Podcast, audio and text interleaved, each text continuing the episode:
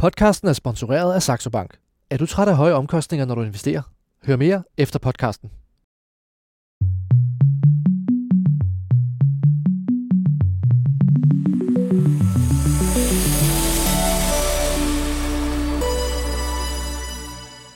Det er blevet onsdag igen, og det betyder, at det er tid til Børsens Investor Podcast. Og efter hvad der føles som øh, 47 regnværs øh, januardage, så er det blevet den sidste dag i januar, øh, og det går ikke stille for sig. Vi har nemlig Novo Nordisk regnskab. Det er kommet her til morgen og har imponeret øh, de fleste i hvert fald. Vi har en fusion mellem Novozymes og Christian Hansen, hvor det nye selskab har første handelsdag i dag. Og så har vi regnskaber fra amerikanske Alphabet og Microsoft. Og de har øh, også gjort det pænt, men ikke helt så imponerende, som, øh, som, som måske man havde ventet. Så skal vi også lige vende den investorskandale, som børsen har beskrevet i den her uge og sidste uge, hvor op mod 400 danske investorer er blevet snydt i et gigantisk pyramidespil. Så der er nok at tage fat på. Men først skal vi byde velkommen til panelet, som i dag består af Nina Movin, administrerende direktør for Otto Mønsteds Fond. Velkommen til dig. Nina, er du nogensinde blevet tilbudt en investering nede i sejlklubben eller fitnesscenteret, eller hvor du nu slår dine fritidsfolder? Cykling? Nej, ikke så vidt jeg kan huske. Nej, nej. Så har vi Johnny Madsen, investeringschef og partner i kapitalforvalteren Formue og Investeringspleje. Velkommen til dig. Tak. Er du nogensinde blevet tilbudt en god investering nede i bordtennisklubben? Nej, ikke i bordtennisklubben, men jeg har tit fået nogle suspekte investeringer øh, tilsendt kvæg mit job. Okay. Og så har vi selvfølgelig Simon Kirketab, redaktør på Investor-redaktionen her på Børsen. Simon, øh, har du stået øh, nede i løbeklubben og så blive inviteret til en hemmelig investeringsklub? Og nu er det ikke øh, lige løbeklub, jeg gør det så meget i, men øh, jeg vil da sige, øh, jeg har da oplevet at øh, blive tilbudt øh, diverse øh, mere eller mindre specielle investeringer. Og jeg tror, der er sådan noget af det mere farverige, jeg sådan har jeg blevet sådan tilbudt øh, på et tidspunkt, øh, eller introduceret for, det var noget mellemfinansiering af nogle øh, tyrkiske byggeprojekter. en, øh, en kollega, jeg havde engang, jeg skal sige, det var ikke her på børsen, øh, men det var i hvert fald noget, der kunne give nogle øh, meget, meget øh, høje afkast. Øh, jeg takkede pænt nej til det, at kigge øh, nærmere på det. Det er jeg glad for. Men jeg vil jo sige, at den der slags projekter, det er jo sådan virkelig øh, sådan noget, jeg har gjort rigtig meget i at dække her på børsen over en årrække. Det har jeg jo gjort meget sammen med, med Johnny faktisk. Ja. Det er jo vigtigt, øh, når man sidder som journalist, man har nogle, øh, nogle hjælpere, kan man kalde det, som øh, vil hjælpe med at kigge ned i projekterne. Og Johnny, der tror jeg da nok, vi kan sige, at vi har kigget i en del mere eller mindre farverige projekter igennem årene, og vi har sågar også oplevet at få trusler ja. på noget af det, Jamen, vi har skrevet om. Jeg kan da huske... Var der nogen, der ville pifte jeres cykel, eller var det værre end som så? Ja, ja, det var sådan, at jeg fik besked på, at det vidste godt, hvem det var, og man skulle passe på med ikke at stikke næsen for langt frem, og Simon, han fik også øh, noget lignende. Jeg fik et opkald i hvert fald en gang, kan jeg huske, øh, hvor at, øh, det lød i den anden ende, at øh, tak for den fine artikel. Du skal bare være opmærksom på, at journalister kan også komme til skade. Nej, nej, nej, nej, nej, nej, nej. Uha, uha. Ja. Betyder det så noget? Hold du så op med at dække dem? Nej, nej. Det, det, det kan kunne endnu, endnu mere sjovt. og, og, og, og, og, så, og så få stoppet sådan nogen, fordi sådan nogen skal vi jo ikke have inde i vores branche. Det skal vi ikke. Nej.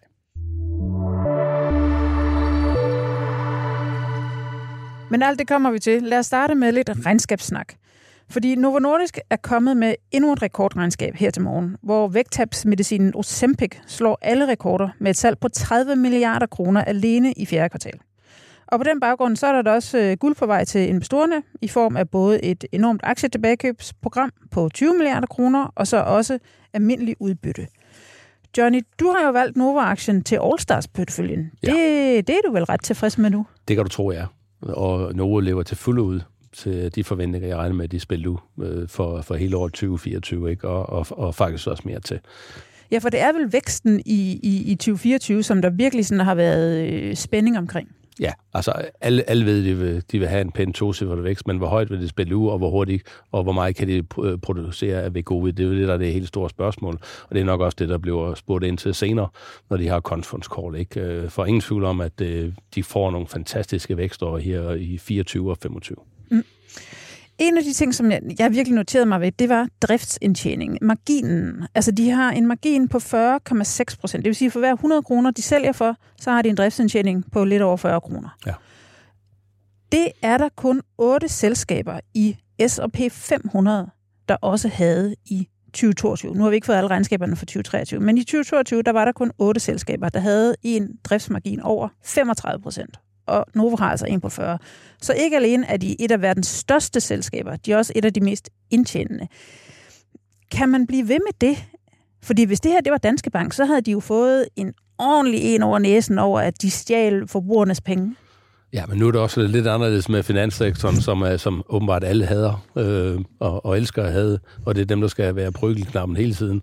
Øh, men her inden for Øh, medicinalteknologi eller andre sektorer, er det lidt mere tilladt, fordi de har brugt rigtig, rigtig mange milliarder i at udvikle et lægemiddel, og så skal det også være tilladt, at man selvfølgelig høster øh, gevinsterne, for ellers så, så, så hvad begrænser man jo også øh, risikovilligheden i fremtiden med at, at, at udvikle.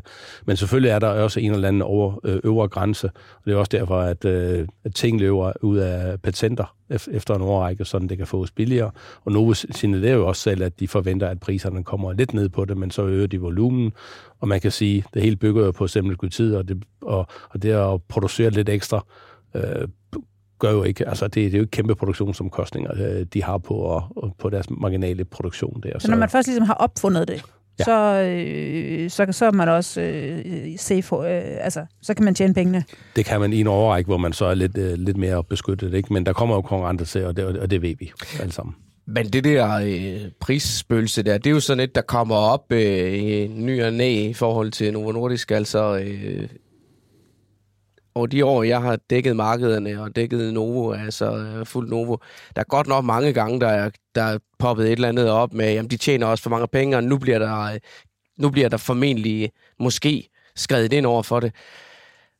Det er jo altså ikke sådan for alvor sket endnu, og man kan jo se, at Novos indtjening, den buller jo bare derud af, men altså, så jeg tror bare, det er sådan, det er sådan en del af den cyklus, øh, det selskab befinder sig i, at øh, det er sådan en advarselslampe, der bliver tændt en gang imellem. Ja, men, men der var også en overrække, hvor, hvor der var nogle selskaber, de lavede en marginalforbæring, og så, så doblede de priserne. Og det var den mm. form for en, en såkaldt innovation, man vil til livs. Når man laver noget, som virkelig er banebrydende, som, som Novo ja. gør her, så, så er det selvfølgelig også tilladt, at man, at man har en overnormal indtjening i, i en periode, fordi ellers så, så dræber du alt, øh, alt øh, innovation. Så, så hvor længe kan de blive ved med det her? Det er jo, det er jo spørgsmålet, og, og det er jo også spørgsmålet, altså det er jo det hele spørgsmål omkring Novo Nordisk, det er, hvad er indsat potentiale? Hvis vi har set det her for to år siden, så var der ikke nogen, der havde regnet med det, der, det, der er sket, fordi at at det er næsten som en æske, der bare blev ved med at give og give, øh, og potentialet bliver større og større. Mm. Og det er også det, der er lidt svært. Du handler den til 40 gange 2023 indtjening. Det vil normalt sige, det er jo pænt dyrt. Men hvad er potentialet? Altså, øh, og det, det bliver bare større og større hele tiden, ikke? Og, og det er også det, man som investor skal forholde sig til. Det er lidt svært at, at vurdere, hvad, øh, hvor længe det kan blive ved. Øh, så det bliver sådan lidt med en godt feeling at sige, øh, vi tror på, at de har nogle rigtig gode år fremadrettet nu. De er førende inde på området, og de har endnu flere produkter på vej, og de har fantastiske sundhedsdata til mm. at bevise det. Så derfor vil vi gerne have en pæn andel i aktien, men man skal også passe på, at man ikke får en for stor andel i aktien. Ja, for den fylder jo vanvittigt meget i C25.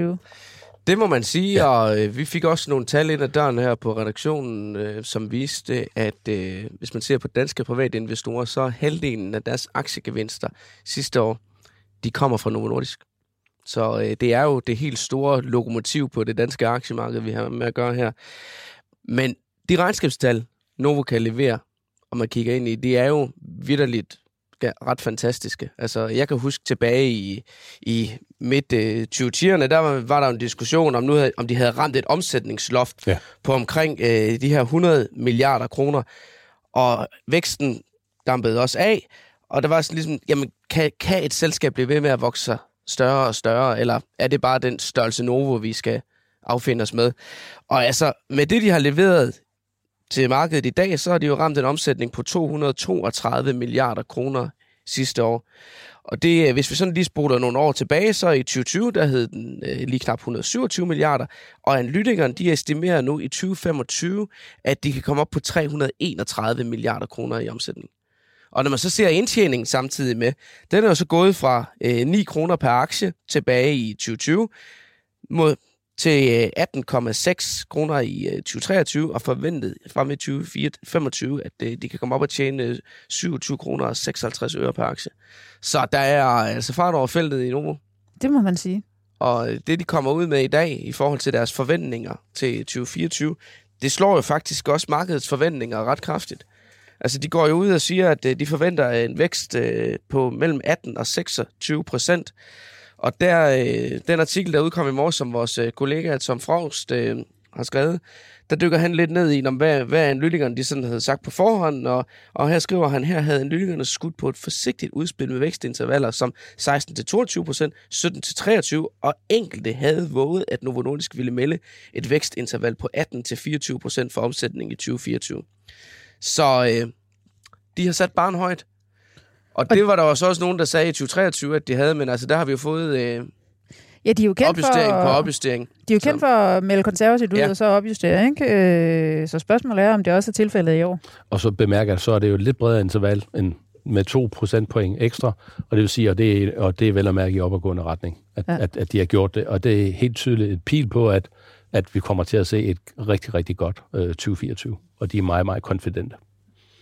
Det er bare dejligt at se, og det er også godt for den danske fondsverden, hvor jeg jo kommer fra, for jeg tror, det er stoppet ned i de fleste danske fonde, og for Danmark og for alle investorerne. Men når det så er sagt, hvad kan, hvad kan komme ligesom, altså, hvad kan komme i vejen, om jeg så må sige, ikke for at stoppe det her lokomotiv, men for at bremse det en lille smule. Øh, Eli Lilly er der jo. Der kommer også nogle konkurrenter, men altså yderligere konkurrenter som Pfizer og Amgen, men, øh, men de er jo halvanden, to år ude. Så er der noget omkring produktionssiden, kan det følge med mm. der, og endelig er der jo tilskudssiden, som I, øh, som I nævnte. Altså vil, vil det offentlige for eksempel blive ved med at give tilskud, fordi det er jo helt rigtigt, man giver tilskud, og det gør man jo, fordi så sparer du at folk bliver syge af andre følgesygdomme osv., så, så kan du spare herover, men der er jo en eller anden trade-off, som, som du også var, var inde på. Ikke? Så det er bare lige for at nævne, altså, jeg er enig, det, det går den vej, men der er, hvad kan der overhovedet komme? Det synes mm. jeg altid er enormt interessant. Ja. Men, men, men det er også derfor, man som investor, Nina, det ved du jo godt, vi skal jo spredning og redning, ikke? Vi skal sørge for at lave noget, og lave noget, En lave Classic. ja, ja, Ja. lave nogle rebalancering en gang imellem, sådan at øh, aktien ikke kommer til at fylde for mig, ikke? Og, og, og, og det bliver jo kunsten, og det har også været kunsten for os. Vi gjorde det en enkelt gang i 2023, og vi kommer uden tvivl også til at gøre det i 2024 med det fart Nova har, har på. Det er jo så sjovt. Det er jo faktisk noget, der er lidt øh, delte meninger om i øh, vores øh, aktieteam her i podcasten, fordi øh, Ole Søberg og Peter Bækgaard, de har jo tidligere fortalt om herinde, hvordan de bare har lavet det øh, Novo nordiske øh, løbe i deres portefølje. Og man kan jo sige, når man så har sådan en vinder der, så er det godt nok også svært at sælge den ud. Men på et tidspunkt sidste år, der fortalte Ole, at øh, Novo Nordisk i hans frimidler var oppe og udgøre nærmest 50 procent, tror jeg. Og Peter Bækgaard, han lå langt over 30 procent. Ja. Så øh, der findes altså også nogen derude, der, øh, der holder fast i vinderne og lader, lader dem løbe. Men de gør jo så åbenbart som de almindelige private investorer og, og lader dem fylde 50 procent. Ja. Men Nina, nu nævnte du det her med, øh, med øh, om de kan følge med efterspørgselen. Og det er jo sådan en af de der ting i regnskabet, som faktisk blinker en, øh, en lille bitte smule i forhold til øh, væksttabsmedicinen øh, Vegovi, som jo har været den kæmpe store vækstdriver. Og når man sådan lige øh, dykker ned i regnskabet, hvis man sådan skal finde et øh, ømt punkt, så er det jo faktisk, at, øh, at øh, de øh, ikke helt når markedets forventninger på Vegovi. Altså, de øh, er solgt for 9,6 milliarder kroner i fjerde kvartal. Markedet havde forventet 10,2 milliarder kroner. Og så er det jo tit sådan med et selskab, hvis ikke man når det forventede, så er det fordi, man ikke øh, har løbet stærkt nok og fået solgt nok. Men i Novos tilfælde er det jo simpelthen, fordi de ikke kan følge med efterspørgselen. Altså hvis man lige dykker ned i regnskabet, øh, regnskabsmeddelelsen, så, øh, så, skriver, øh, så skriver selskabet, efterspørgselen på Vigovi overstiger udbuddet, og for at sikre to- kontinuiteten i behandling, er udbuddet, øh, er udbuddet af de lavere Vigovi-dosisstyrker i USA øh, været reduceret siden maj 2023. Novo Nordisk begyndte gradvist at øge udbuddet af de lavere dosisstyrker i januar 2024. Så vi har faktisk et selskab her, hvis helt store problem lige nu, det er at følge med markedets efterspørgsel. Det er jo meget atypisk. Det er ekstremt atypisk. Ja. Og så kan man jo se, at de har lavet mange store investeringer. De har lavet i Frankrig, de åbner øh, fabrikker i USA. Altså det, øh, der, der er virkelig gang i den. Og herhjemme, Mm. de er i gang, ikke? Men, Okay. men, men med, med deres meget positive forventninger, så er der også et tegn på, at, at de får at et kapacitet på mm. hele tiden. Og det er også derfor, at, at, at, det, at selvom det skuffer lidt med salg, men, men da de så opjusterer lidt, øh, eller de kommer med bedre forventninger, end, øh, end markedet havde troet på, så er det også fordi, at, at de får, har fået kapaciteten. Så, de, så nogle af de problemer bliver gradvist løst hen over 2024, og det er også det, der som siger, ser rigtig godt ud for 2025, fordi så har de jo endnu mere kapacitet. Så, øh, så, så de næste par år, det, det bliver rigtig godt for nogen. Dejligt at høre.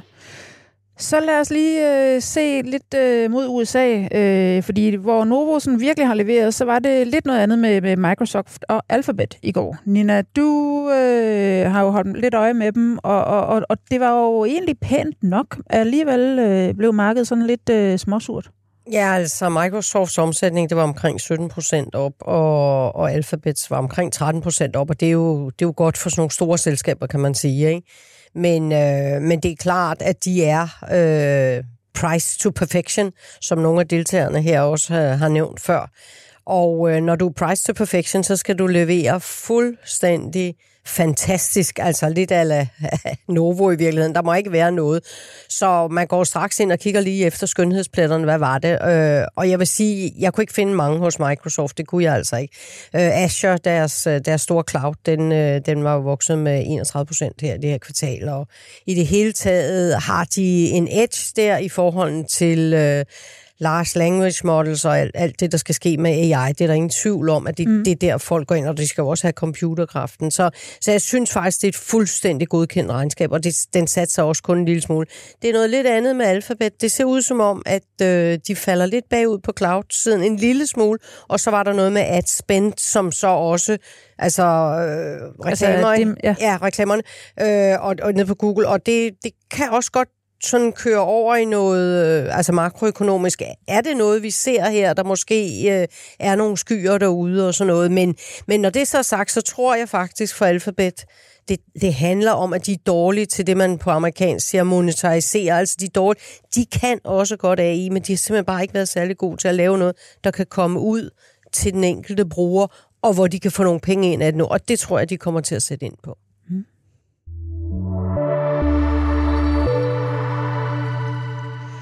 Så lad os tale lidt om dagens anden store begivenhed, nemlig lanceringen af Novonesis. Selskabet, der er en fusion mellem Novozymes og Christian Hansen.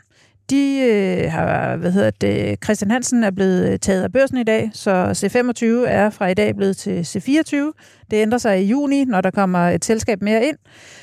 Men indtil da er det altså kun øh, det fortsættende selskab øh, Novozymes, der, der kan handles. Øh, der har været rigtig meget spekulation i både øh, Novozymes og øh, Christian Hansen. Novozymes er den suverænt mest shortede aktier. 14 procent af alle aktierne er i short-positioner.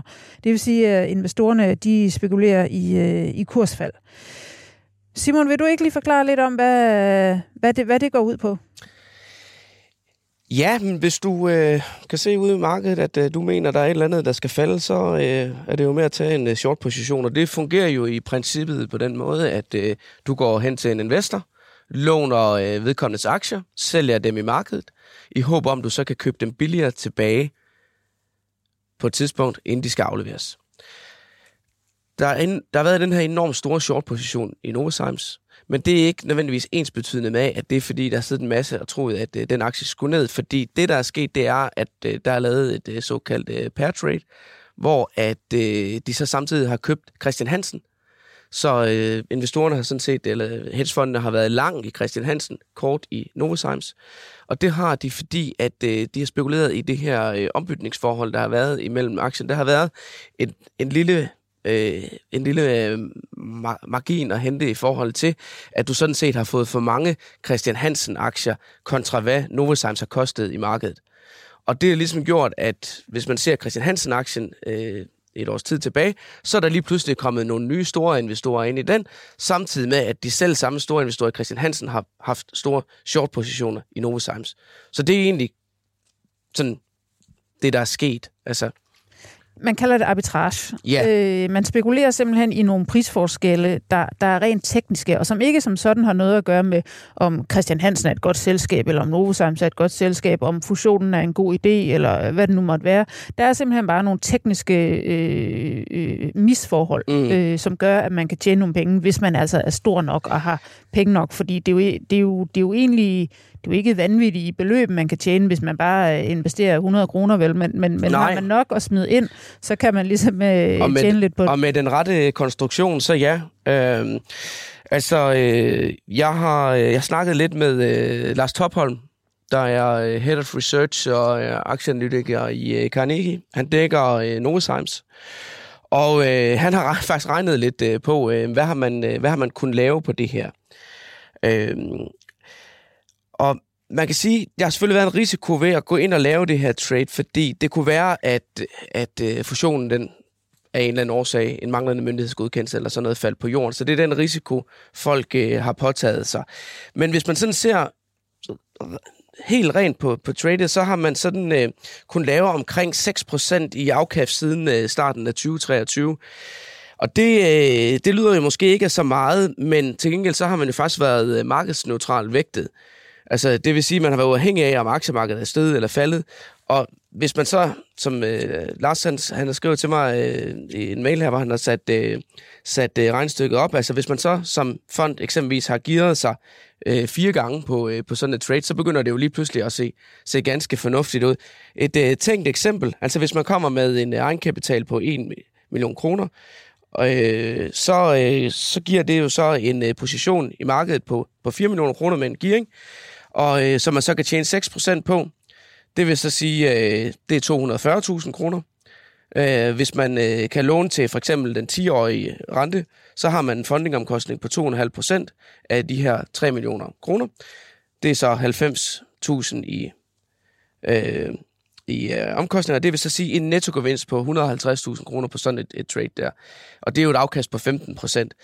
Og det er øh, jo klart bedre end øh, C25-indekset, som steg 10,7% i 2023.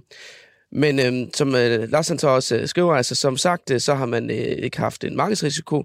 Øh, det har man, hvis man havde købt til 25-indekset. Og oven i købet, så har man faktisk fået lidt øh, udbytte på sine øh, Christian Hansen-aktier, som så ikke indgår i, i regnestykket. Så øh, det, øh, dem, der er gået den vej der, øh, de kan jo øh, nu konstatere, at det har jo været øh, ganske lukrativt. Det må man sige. Og det er jo, det er jo sådan nogle små ting, man kan rende rundt og samle op ud i markedet, hvis man ligesom kan analysere ting i bund. Men det er jo også noget, man, man skal have en vis størrelse for, for at gøre, ikke? Øh, det har I selvfølgelig også, øh, Johnny, en vis størrelse, men, men er det sådan nogle, kunne du finde på at lave sådan en, øh, en, en, en spekulationshandel? Nej, jeg kunne ikke finde på at lave sådan en, fordi vi går ikke ud og giver, men vi, jeg kunne, altså, vi havde så Christian Hansen, øhm, og hvis jeg nu har haft Novozymes i stedet for, så kunne jeg jo solgt Novozymes aktierne for vores kunder, og så købe Christian Hansen og være med til at køre spændende ind. Det, det er jo mere sådan noget, vi kigger på, mm. lige så vel, hvis der er A- og B-aktier i, i, i selskaber, så blandt andet i Mærsk, men man kan ligge og lave øh, sådan nogle ting. Øh, men altså, som Simon siger, Øh, det er jo ikke helt risikofrit, fordi hvis fusionen lige så falder mm. på, på jorden, ikke, så kunne man jo godt blive kørt over. Så man mm. tager et bet på det.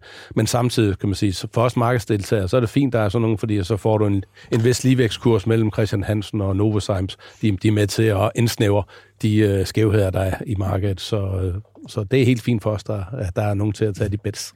Så man kan sige, at den, det afkast, de fonde har fået der, det har de jo fået ved at, at påtage sig den risiko. Ja. Det er klart. Det er, det er jo myndighedsgodkendelsen, hvis den ikke var kommet igennem. Ja. ja. ja. I havde den også i jeres øh, portefølje, Christian Hansen, Christian Hansen ja. der. Hvorfor? Er det... Vi, vi, vi synes, det er, det er et godt langsigtet selskab, øhm, og nu har vi så Novonesis øh, i porteføljen. Vi har ikke købt yderligere op, vi har ikke øget vores vægt. Øhm, jeg vil gerne lige se, øh, hvordan det går med fusionen. Det er to forskellige kulturer, der skal... Øh, to sindssygt spændende selskaber, der skal integreres med to forskellige kulturer, og der vil jeg gerne lige se, hvordan det, hvordan det går.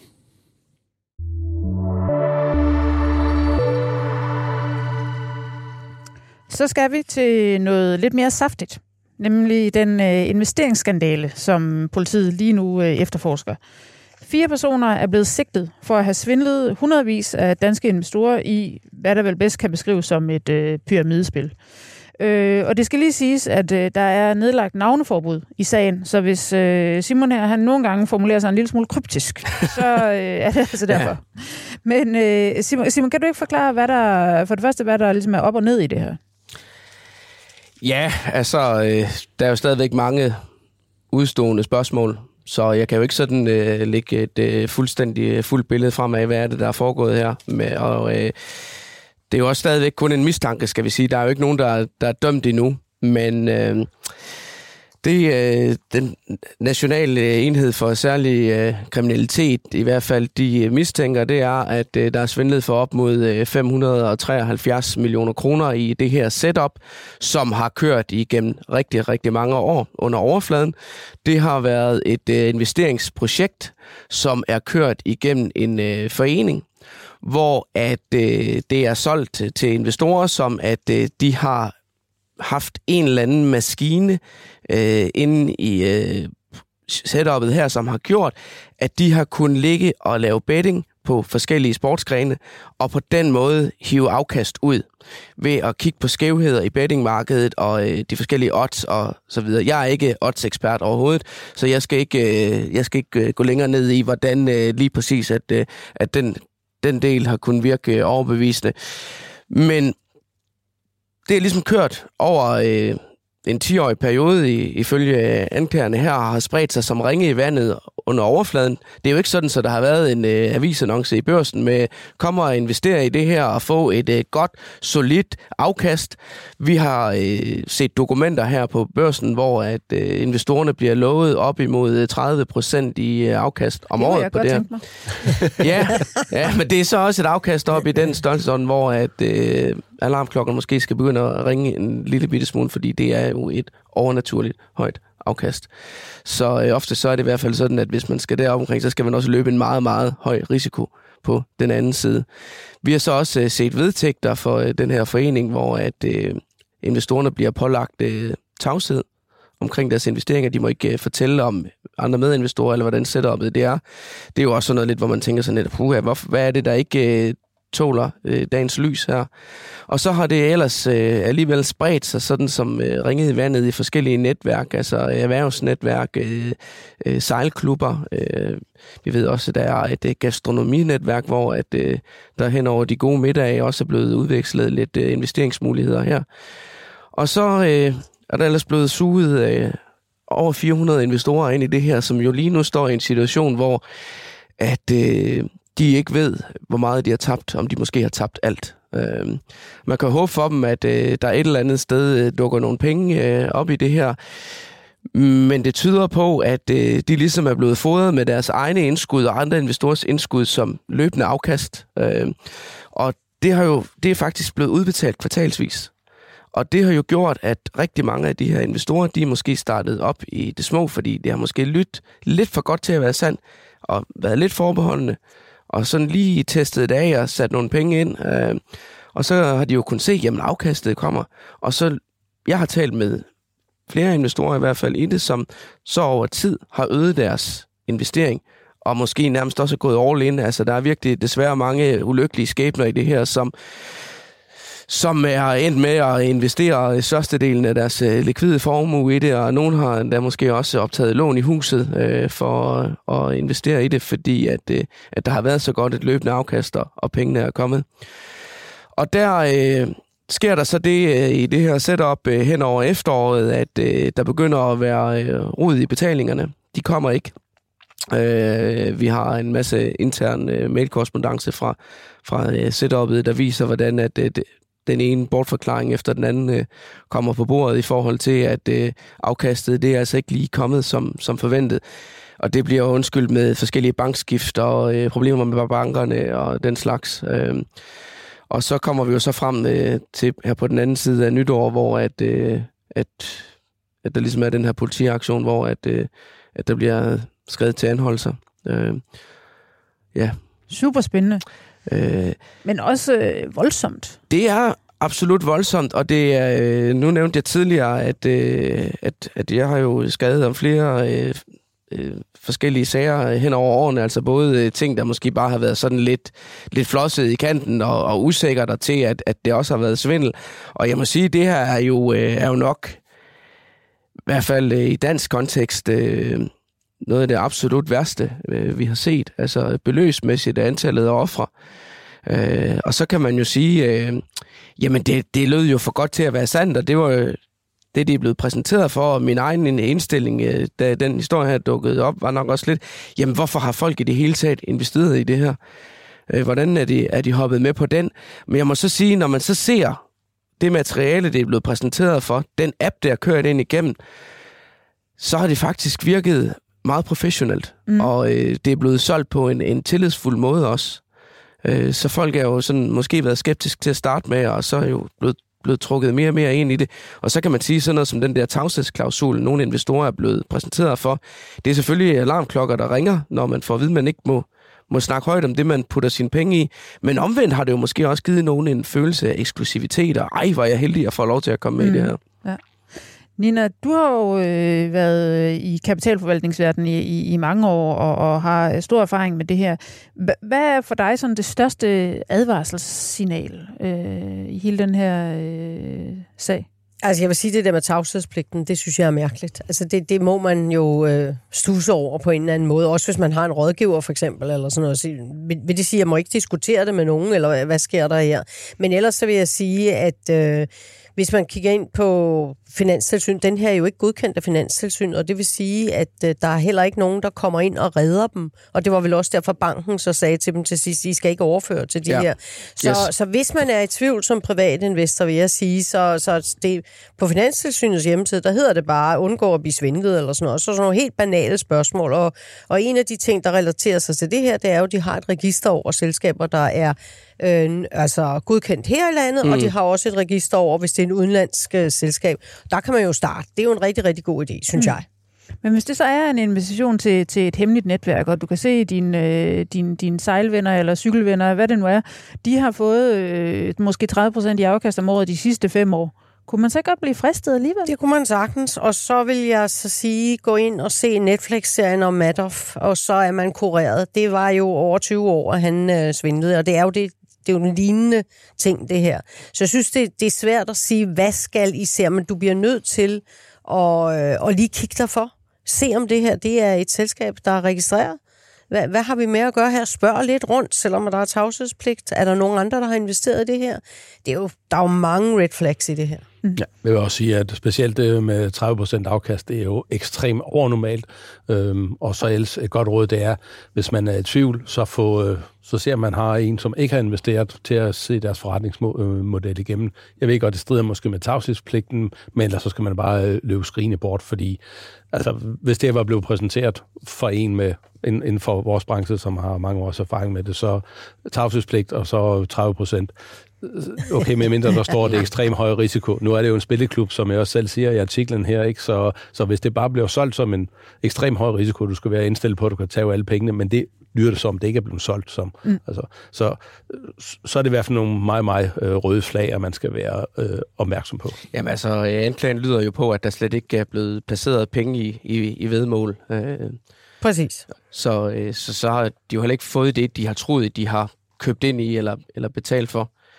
Det passer jo også med, den slutter så, der, hvor de skal og til jeg vil, Og jeg vil så sige, at der er forskellige versioner af, hvor meget afkast investorerne er blevet stillet i udsigt, alt efter, hvad man taler med. Og det er også sådan lidt i forhold til, hvilken type investor det er. Altså, der var blandt andet en institutionel investor, øh, som vi taler med ofte, som var blevet det tilbudt. Og øh, det han sådan øh, var blevet stillet udsigt, det var en 10-12 procent om året. Og det lyder jo sådan mere, mere reelt. Så, ja. så jeg tror måske også, altså og det er, øh, det er sådan, uden at jeg sådan har lige nogle håndfaste, konkrete eksempler på det, jeg tror måske også, at øh, produktet sådan er blevet tilpasset lidt, alt efter hvem det har skulle øh, sælges til. Så er der nogen, der har været ude og efterlyse, øh, øh der må være noget galt med reguleringen på området, når at, øh, at sådan noget her kan få lov til at køre. Og Nina, som du siger, jamen altså det her, det er jo netop ikke, det er jo netop ikke reguleret. Det er jo kørt under radaren. Altså, Vi er så langt ude. Ja, altså, og hvis, der havde, hvis, hvis de havde var gået til Finanstilsynet og sagt, at de vil gerne have en, øh, have en godkendelse til at køre som en, en alternativ øh, investerings... Øh, fond, øh, fond, fond ja. ja. så havde de jo nok formentlig heller ikke fået den øh, godkendelse. Så øh, det, er jo, det er jo det der med at råbe op omkring mere regulering øh, i sådan en, en sag her, det er jo svært, når man har valgt at køre det fuldstændig ureguleret og køre det under radaren. Altså, det er jo ligesom, øh, øh, hvis man... Øh, altså, øh, potentielle regnskabsvindel i et, øh, i et selskab. Altså, øh, det kan jeg huske, at jeg i, i tidernes morgen gik på, øh, på revisorskolen. Der blev vi undervist i øh, forskellige advarselstegn, øh, man kunne se i regnskaber. Men man kan jo ikke se, hvad der bliver holdt skjult for en. Mm. Og det er jo det, der er det svære. Mm. Øh, og det er jo det samme her. Altså, øh, det er fint nok øh, at sige, at vi skal have mere regulering, men når man ligesom har, har lagt det over et regi, hvor at øh, man kører det sådan øh, Præcis i den dunkle del af, af finansverdenen, uden at bede om at blive reguleret, så, øh, så er det jo svært. Vi har Ja. rigeligt med regulering i den finansielle sektor, men vi behøver ikke mere. Men Johnny, oplever du, nu er du investeringschef og ikke kundechef, men oplever I nogle gange øh, hos jer, at der kommer nogen og har hørt om et eller andet øh, ja. Spændende projekt? Øh, og, og hvordan overbeviser man en, en kunde, der har fået en lys idé om at, at, at lige klappe hesten? Jamen, vores øh, kunderådgiver, de plejer at sige, at, det, at det, kunderne skal bare sende dem ind til mig, så, så skal jeg nok kigge det igennem. og, og, og der er jo en gang imellem, at, at, der, at der er noget fornuftigt. Altså, det, sådan er det. Altså, det. Det er jo ikke alt, der er heldigvis, der er alt, der er skrammel, men der er øh, nogle gange så er det den samme historie. Nå, det er jo også den der parkeringsplads i Bulgarien, til, som, som du forsøger at sælge. ja, det, den det gjorde, det også set. det Ja. gjorde det også for 10 år siden, ikke? Ja. Der, der var det bare... Altså. Men, men, men så, så ting går, går jo ring, ikke? Og så kan man lynhurtigt øh, bare skrotte det. Øh, så, så det er jo og det er derfor, jeg siger, brug, øh, brug nogle eksperter. Hvis, hvis man bliver præsenteret for noget, så, så brug nogle eks- eks- eksperter, og så lad være med at acceptere en, sådan en hvad er det, noget klausul om, at du ikke må sige tavshedsklausul, ikke? For du er nødt til at, at have en bistand med, som, nogen, som har erfaring at kigge ind, ind i det her. Altså Johnny, nu bliver jeg jo lidt øh, interesseret. Øh, hvad er noget af det mest fantasifulde, du har set? Åh, jeg synes, vi har, at vi har, at vi har, vi har, vi har set meget. Øhm, jeg, jeg synes faktisk, det her, det, det her, det er, en, det, det er den vildeste historie, synes jeg selv. Øhm, ja. Og så var der selvfølgelig også vores, øh, øh, vores venner fra Sega, hvor de, Ja. hvor de kunne investere i amerikanske pipes og øh, spekulere i, øh, i euro-dollar øh, risikofrit. Og, og pipes, det er så unoterede selskaber, hvor de kunne lave lån til og så videre. Og så, ja. det, var helt, det var helt fantastisk uden risiko. Og det, ja. Der blev, øh, der blev, som jeg husker den sag, altså den ligger jo nogle år tilbage. Vi var, vi var med til at dække den dengang, og vi brugte dig meget som kilde øh, til sådan ligesom at, at dykke ned i det. Og jeg, som jeg husker det var, det er jo også sådan noget med et garanteret afkast på 10-12 procent, eller, eller i den størrelse mere, ja. mere nærmest. øh, og som jo også viste sig at være et pyramidespil. Ja. hvor at der var ikke investeret i noget, der var bare, øh, det var, investorerne var også der blevet fodret med, med egne penge. Jeg har faktisk en lidt sjov historie der. Det var faktisk en af mine gode venners øh, far, øh, var faktisk i dialog med ham, der stod bag. Øh, og han, til, øh, han ville gerne købe min, øh, min min vens fars sommerhus, og så kunne han jo få aktier i det her, som, som betaling. Åh, Jamen altså, Uh, øh, her. svaret var jo klonge, øh, øh, rungende nej. Altså alene min kammerat, han, han grinede også bare af det. Det lyder øh, som en, øh, et festligt foretagende. Det var det også. Men det er jo også sådan noget, alternative investeringer, det er jo sådan noget, der, øh, der er vundet indpas over de seneste 10-15 år i forbindelse med de her lave renter. Og øh, det har jo rykket investorer længere og længere ud af risiko. Kurven. Mhm. Altså investorer, der måske øh, tidligere øh, udelukkende vil svæve til de helt øh, lavrisiko værdipapirer, som øh, obligationer eksempelvis, har jo ikke kun fundet afkast, og så rykket øh, ud i aktier, og dem, der var i aktier, er måske rykket endnu længere ud. Øh, og det gør jo også, at, at øh, der bliver plads til sådan lidt mere farverige projekter, sådan uden for, øh, for de etablerede børser. Og det er jo også noget, man har set selv i øh, pensionssektoren, altså at øh, der er jo også nogen, der er kommet meget, meget galt afsted der Mm. øh, ved at investere i, i alternativer. Altså, vi havde jo Hesalite-sagen, som øh, viser at være øh, et kæmpe svindelforetagende. Så var der Genaen også, øh, og det var jo med store øh, pensionsselskabers øh, midler. Og hvis du, Placeret. hvis du går længere tilbage, så var der Phoenix Kapitaldienst, som også øh, utroligt, når man sad og kiggede på det. Hvordan kan I lave omkring 2% om måneden hver eneste, altså Mm. hver eneste måned, Mm. ikke? Mm. Altså uanset om markedet gik op eller ned. Det var jo det var også for godt til at være sandt.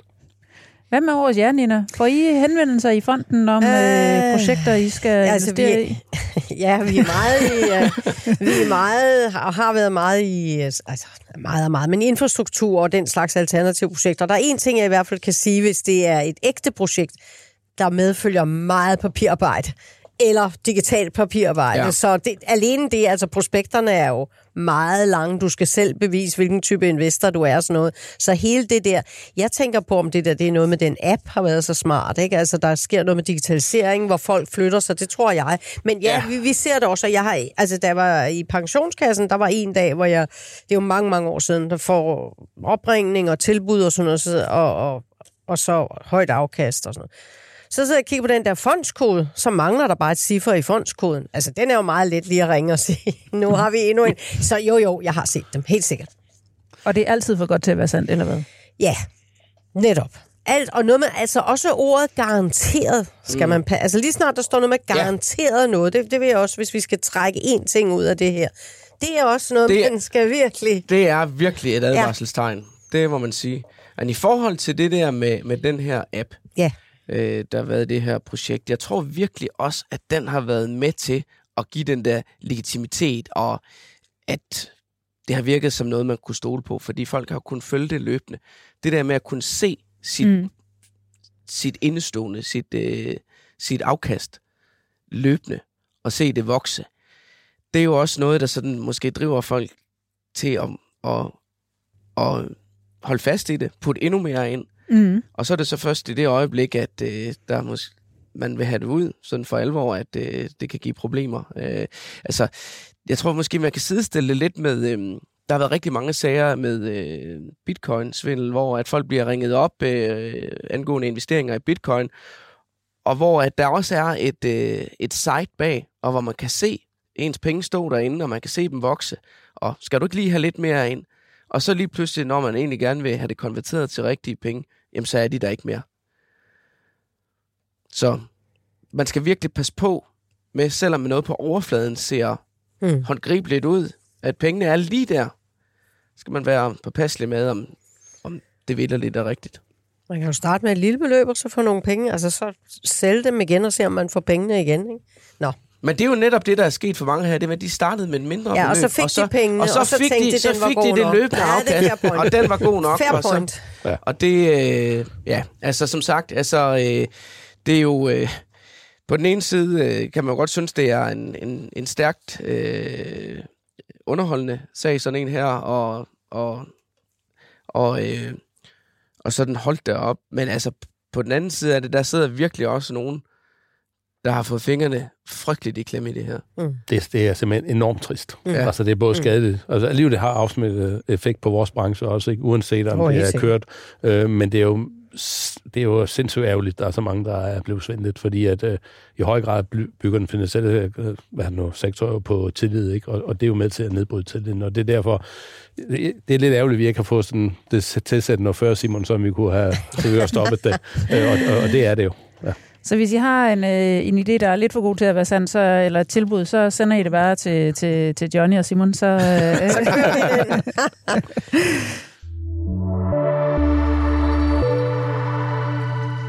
Noget andet, hvor vi så til gengæld er sikre på, at pengene de er der, de er jo i, det er i All-Stars-porteføljen. Yes. Øh, og her er jo sket noget øh, i øh, den seneste uge her. Nina F.L. Schmidt, som jo var en af dine øh, valg her til porteføljen, de har meldt ud, at de er ved at gøre klar til at sælge cementforretningen. Og det, det var de måske lidt på vej til, men, men alligevel øh, virker det som om, det er lidt før end planlagt. Ja, altså vi fik øh, her mm, mm i den her uge øh, at vide, at det går rimelig godt i forretningen. Der var nogle forløbige tal til det, og samtidig så meddelte de, at øh, cementforretningen skulle sælges, og det ville tidligst kunne ske i det her år, fordi man skulle ind og forhandle, øh, og man skulle ind og finde en rådgiver, det blev de ved med at sige. Og det, er jo- det er jo super spændende. Cementforretningen er jo øh, den mindste del af, af FLS, som så vil stå tilbage med, med minedelen. Ikke? Mm. Øh, så ud fra sådan en, hvad skal man sige, betragtning om, giver det her god mening som investor, så synes jeg, det giver rigtig god mening. Men man kan selvfølgelig spørge sig selv, er det ikke lidt atypisk, at de går ud og siger, nu er den til salg? Altså, hvor, hvorfor mm. gør de det? Mm. Og de har lige solgt af en, en meget lille del af forretningen, som er sådan noget gear, gear business, de har haft. Det er lige sluttet, og det er så en, en Solix Technologies, der har købt den, så de er selvfølgelig- selvfølgelig nok in the role, men det er jo ikke derfor, de gør det her. Mm.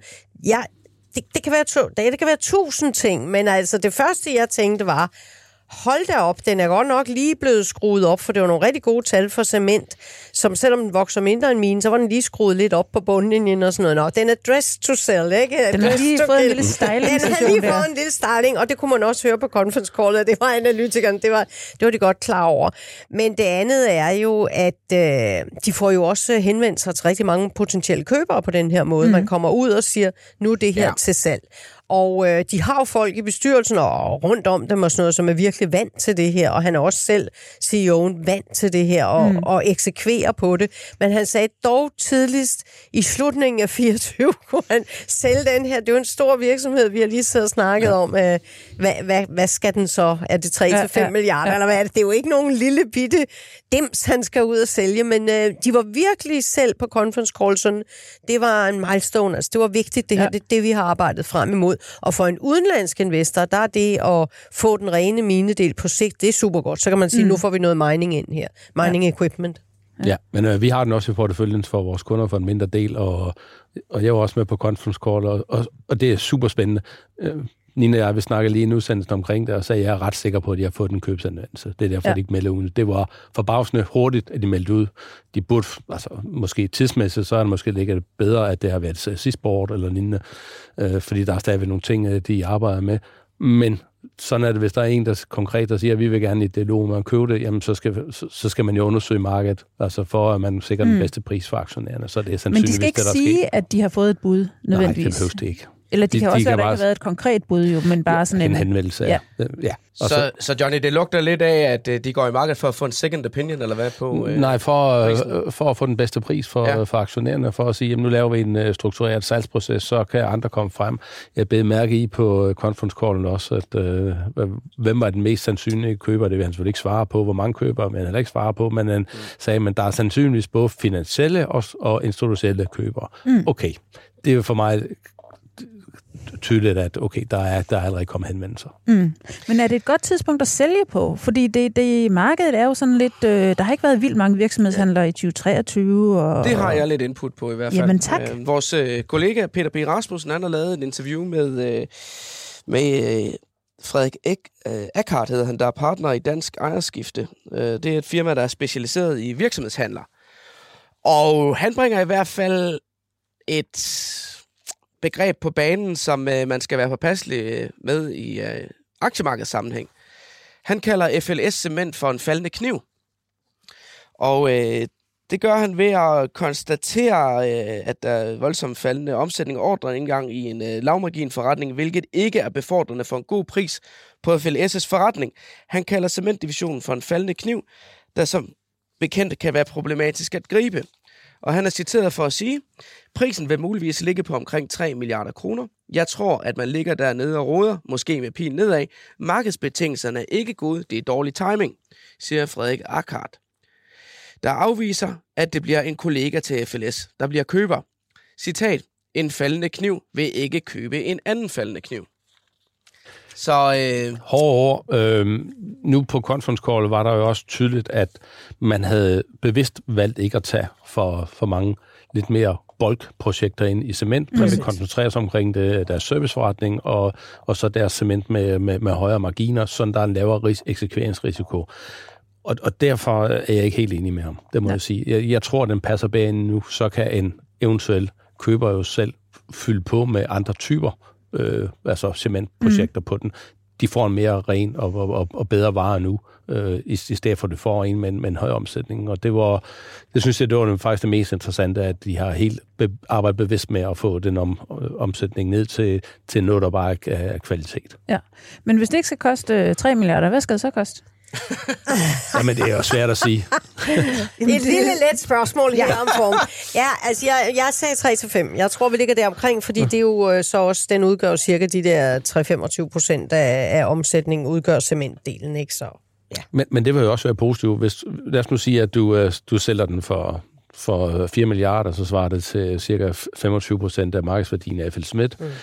Og og, og, og det er stort set det, som omsætningen var i 2023 i cement, men du har en markant højere øh, EBIT-margin øh, på, øh, på, på mining, så, så du vil jo kunne bytte det. Altså, du får mm. forbedret dine nøgletal samtidig med, at du får måske 25% af markedsværdien, som du kan sende tilbage som aktieudbytte, øh, eller købe aktier tilbage, eller bruge det offensivt, eller måske en kombination af de her ting. Så det vil jo være rigtig god shareholder value, og jeg mm. tror også, at aktien den kommer til at performe fornuftigt. Så altså, det, det har jeg sagt til Nina.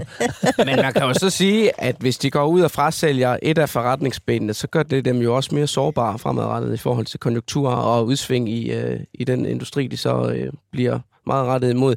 Og FLS er jo virkelig et cyklisk selskab i forvejen, så man kan vel sige, ved at tage det ene ben ud, mm. jamen, så bliver det bare endnu mere cyklisk. Mm. Ja, men du, øh, du får et mere pure play, som ja. Nina var inde på, og det, det vil vi jo gerne have. At det er jo fint, at vi får en ren mining her. Men det er jo meget cyklisk. Altså, det er Absolut. Og det, og det vil der også være fremover. Og, og det er også derfor, vi har den i vores portefølje. Der er jo så mange, jeg, jeg skulle til at sige, så mange har vi jo ikke i Danmark, så jeg er helt enig med Nina, ikke? og det er også derfor en mindre del i den. Jeg synes, det er fornuftigt. Og så jeg synes jeg faktisk, at de har fået en uh, knalddygtig ledelse. Jeg synes, de har de har lagt nogle gode planer, de er gode til at eksekvere på planerne nu, mm. og de virker meget konfidente, og de virker faktisk lidt konservative i deres udmeldinger. Miko Finde, han, ja. han implementerer tingene. Lige han præcis. siger det, ja. og så bliver det implementeret. Men det er jo sådan en aktie, som virkelig har kørt op og ned igennem en lang årrække, og Johnny, jeg vil sige, jeg har, synes også, jeg har hørt dig igennem mange år sige, den kommer lige om lidt. Jamen, der har den også altså, været. Den har også haft det, en op, optur også. Ja. ja, så det er virkelig, altså, det er jo en aktie, man skal trade ind og ud af, hvis man sådan ser på... Ja, øh, ja det var ellers lige min stil. Ja, vi kigger på den. Men, øh. ja. Hvordan har den så gjort det i porteføljen? Har det været et godt bet for Nina? Jamen, vi er da glade for den melding her i porteføljen ja, i hvert fald, fordi den er gået op med over 7 procent, siden de kom ud med det her. Så øh, på, på kort sigt er vi glade, og det har sådan set øh, bragt os op på et positivt afkast på den. Og jeg tror, at sidst, da du var herinde inden for 14 dage siden, der snakkede vi lidt om, at den hang lidt i vandskorben. Så, men nu er vi i hvert fald over vand på den igen, og har et afkast på 1,26 procent eller sådan noget. Så det er ikke voldsomt, men øh, dog et positivt afkast, og det er jo det, vi kan lide. Og vores portefølje, den øh, sådan overordnet set, øh, den kører egentlig okay fornuftigt. Altså, vi ligger nærmest lige omkring øh, nullet indtil videre i år. Så øh, vi har 11 måneder tilbage til at lave et øh, fornuftigt øh, afkast, så øh, vi... Må lige stramme os an. Ja, vi må stramme os an, men vi kan jo godt... Vi er optimister, vi er optimister. Men øh, der er lang vej op til de 129.000 kroner, vi lavede i plus øh, sidste år. Og startkapitalen her, den er jo de her 600.000 hvert år stillet til rådighed af Saxo Bank. Og øh, vi giver overskuddet væk til velgørenhed. Og jeg kan sige, at øh, overdragelsen af pengene til de formål, øh, vi nu har udvalgt i øh, panelet, det kommer til at ske ved et øh, Børsen Investor Podcast live event øh, den 27. februar, hvor at øh, vi gerne vil øh, invitere alle lytterne til at komme øh, og opleve øh, podcasten øh, live. Og det bliver i øh, København hos øh, i Kodenhus på øh, Gamle Kongevej, Frederiksberg og øh, der er plads til nogen og 100. Så øh, vi smider et øh, link ind i øh, podcastteksten øh, her i dag, og i den artikel, vi kommer til at publicere på Borsen.dk også. Og så håber vi, at øh, der er en masse af jer der, derude, der vil øh, dukke op. Hele øh, aktiepanelet fra øh, podcasten kommer til at være til stede, så øh, der bliver både mulighed for at, at øh, overvære podcasten, stille spørgsmål undervejs og tale med, øh, med de faste paneldeltagere bagefter os. Nå, det var lige lidt øh, skjult reklame, jeg lige... Øh, eller, ja, jeg ved ikke, hvor godt skjult det var. Jeg kom til at, at få ind her i portefølje gennemgangen. Det skal der også være plads til. Så, øh, men øh, Johnny, tilbage til øh, aktierne. Du har jo valgt øh, DSV og Novo Nordisk, og nu øh, de seneste udgaver af podcasten, der har jeg siddet og underholdt med, at, øh, og det gjorde Peter Bækgaard jo også øh, i seneste afsnit, at, at det var måske ikke de mest overraskende valg, du kom med der. Nej. Fordi øh, du deltog jo i det, der hed Investordysten helt tilbage i 2016, sammen med Peter Bækgaard, hvor vi fulgte jer løbende over et år. I fik hver 500.000 kroner, I skulle gå i marken med at investere. Og der været tilbage og læse de første artikler fra det koncept der. Og sjovt nok, da du skulle sammensætte den portefølje dengang, de to første aktier, du valgte, du har nok gættet det. Ja. Det var Novo Nordisk og DSV. Fantastiske danske selskaber. Og det kan man jo så godt sådan sidde og, og drille lidt med, at det var meget, øh, meget ikke overraskende, at du valgte dem. Men man må så sige, nu har jeg så været tilbage og kigge på afkastet på de to aktier siden 2016 der. Og Novo Nordisk i den periode har givet et gennemsnitligt årligt afkast på 22,7 procent. DSV næsten 21 procent. Det vil sige, at der er total afkast på de to aktier på henholdsvis 406 procent og 352 procent, siden du købte dem dengang til den portefølje, du kørte der. Og sammenlignet har C25-indekset givet et gennemsnitligt årligt afkast på 10 procent, hvilket svarer til et total afkast på 114 procent. Så det er jo to langsigtede vinder. Ja. Og det er en must i en portefølje. Det har vi også. Selv jo. Hvor langt, hvor langt går din kærlighed til de to aktier her egentlig tilbage? Mange år. Mange år tilbage. Øh, selvfølgelig så har der været lidt, øh, lidt, lidt uger inde, øh, men, men ellers så går den rigtig tilbage. Jeg tror, DSV det er tilbage til 94-95, og Novo Nordisk kort tid efter os. Ja, og det har været en fantastisk rejse helt tilbage derfra også, så øh, godt valg, Johnny, indtil videre. I hvert fald også, når man ser på afkastene i år. Øh, Novo Nordisk er op med 9% fra vi købte den. Og, i, Flot. og i øvrigt øh, blev Novo Nordisk i dag det kun andet europæiske selskab nogensinde til at ramme en markedsværdi på over 500 milliarder dollar. Og så er der DSV. Den har givet et afkast på 4,4 procent. Så øh, Jeg god håber, start, på, Johnny. jeg håber på, at DSV de, øh, de kommer med et øh, opkøb. Det var, det var det, der var casen. Foruden at det selvfølgelig er et strukturelt godt selskab, øh, så håber jeg på, at der er tiden moden til et opkøb. Så DB Schenker, lad os håbe, de, de kan købe det til en fornuftig pris. Og så skal vi lige nå at vende den der trykkeaktie også, Nina. Ja, Ja. altså der kom regnskab, og det var udmærket. Øh, der var lidt med vejrliget, men det var ikke øh, helt så slemt, og de lød meget confident. Så øh, jeg vil sige, det er en aktie, man kan sove roligt med. Vi ved, der skal noget op til aktionærerne. Så men hvis vi skal udbetale noget til nogen som helst, så kan det godt være, at vi lige skal.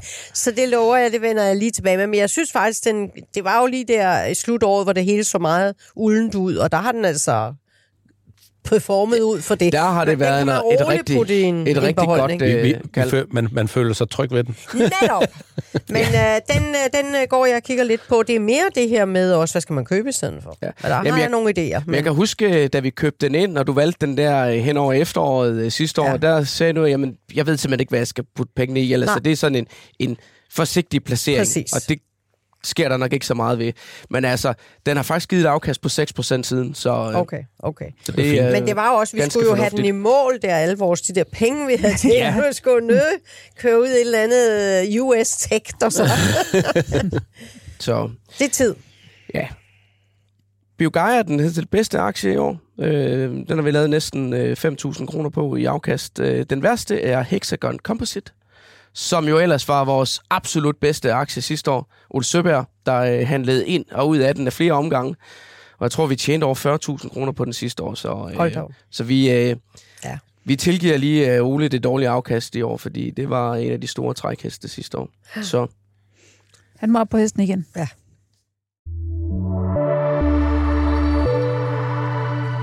Så er det slut for denne gang. Vi vender tilbage i næste uge, og hvis du har ris eller ros, så send det gerne til os på mail på investor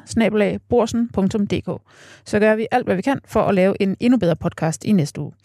I studiet i dag havde vi direktør i Otto Mønsteds Fond, Nina Møen, investeringschef i Formue og Investeringspleje, Johnny Madsen, og ikke mindst redaktør på Børsens Investorredaktion, Simon Kirketær. Tak fordi I kom alle sammen.